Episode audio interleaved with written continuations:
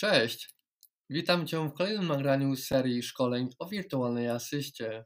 Dzisiaj podcast będzie bardziej osobisty, ponieważ będzie on dotyczył moich początków pracy jako wirtualny asystent.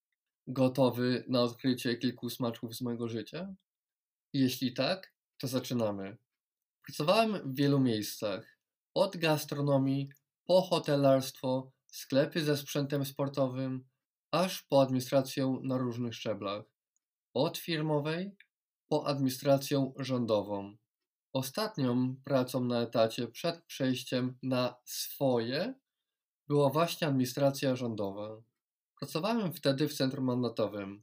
Jak pewnie wiesz, przyszła pandemia i okazało się, że nawet z administracji rządowej ludzie są zwalniani. Byłem w grupie osób z najniższym stażem pracy, więc po zakończeniu trzeciej umowy nie została mi ona już niestety przedłużona.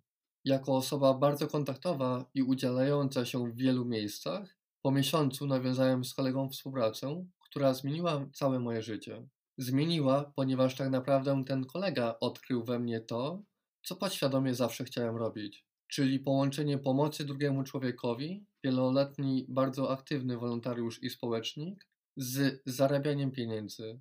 Początkowo miałem w planach pracę w dobrze prosperującej administracji, udzielając się po godzinach w fundacji. Los chciał jednak inaczej.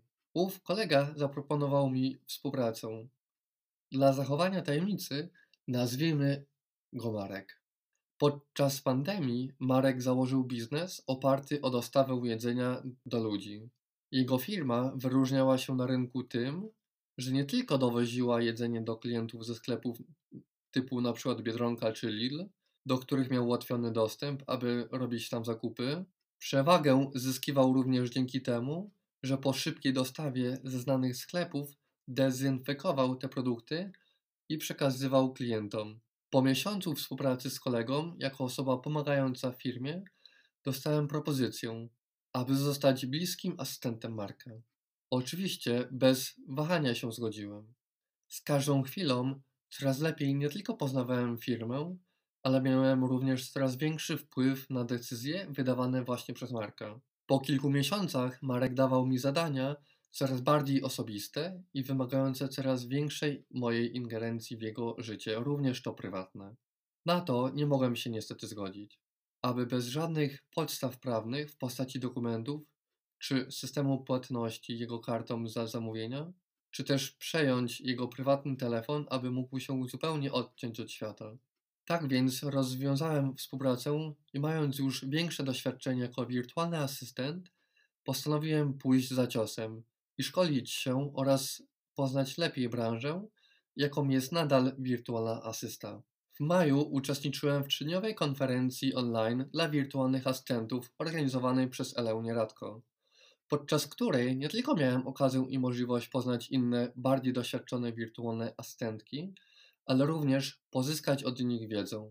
Z każdym dniem nie tylko wypływałem na szerokie wody wirtualnej asystentury, ucząc się i poznając branżę coraz lepiej, ale również świadczyłem usługi dla swych pierwszych pracodawców. Branża spodobała mi się tak bardzo, że postanowiłem iść o krok dalej Wiedząc, że idzie mi coraz lepiej i coraz więcej zarabiam, założyłem własną firmę w bardzo szczególny dzień.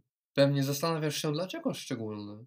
Dlatego, że założyłem firmę z dofinansowania Urzędu Pracy właśnie 10 października 2020 roku, czyli 10, 10, 20, 20. Czy było łatwo napisać na tyle dobry biznesplan, aby mieć pewność, że otrzymam dofinansowanie? Nie. Czy było warto? Tak. Zdecydowanie tak. Aby nie odkrywać od razu wszystkich kart, może kiedyś jeszcze opowiem o tym, jak założyć własną firmę i napisać dobry biznesplan. I tak oto kolejny przypadek sprawił, że z osoby, która chciała pracować właśnie w administracji na bezpiecznym etacie, założyłem firmę i pracuję teraz na swoim. Czerpię każdego dnia z pracy ogromną satysfakcję, pomagając zapracowanym przedsiębiorcom w odzyskiwaniu ich czasu, aby mogli oni skupić się na rozwoju własnych firm. Dziękuję Ci za wysłuchanie tego nagrania. Napisz proszę w komentarzu, co nim sądzisz. Czy wiedza na nim przekazana była dla Ciebie przydatna? Czego chciałbyś dowiedzieć się więcej w tematyce wirtualnej asystentury? Życzę Ci dobrego tygodnia i do usłyszenia.